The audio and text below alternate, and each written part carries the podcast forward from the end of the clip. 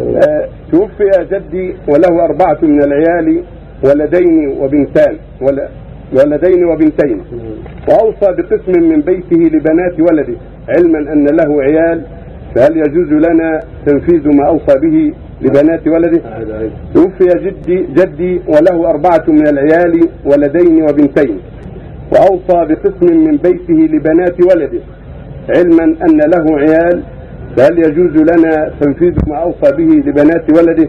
وحكم وما الحكم الإسلامي في ذلك. الوصية لغير الوالد لا بأس بها الوصية للوالد ممنوعة. أما الوصية لغير الوالد من أولاد أولاده وغير وارثين لا بأس فله فله أن يوصي لغير الورثة بالثلث أقل. أما الورثة فليس أن يوصي لهم لا بقليل ولا بكثير. أما غير الورثة كجدهم أبي أمه وكأولاد بناته وكأولاد إخوته وكإخوته غير الوارثين لأن له أولاد له يوصي بما يشاء في الثلث أقل لكن إذا كان له أولاد أولاد فالواجب العدل بينهم إذا كان له أولاد أولاد فلا يوصي لبعضهم دون بعض. اتقوا الله واعدلوا بين أولادكم. فيوصي للجميع أو يدع الجميع.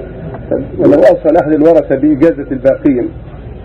إذا أجاز الباقون فلا بأس. حقه إلا أجاز ورثه أيوه. الحق لهم إذا أجازوا هم إذا أجازوا هم مرشدون لا لا صراط إذا أجازوا هم مرشدون فلا بأس.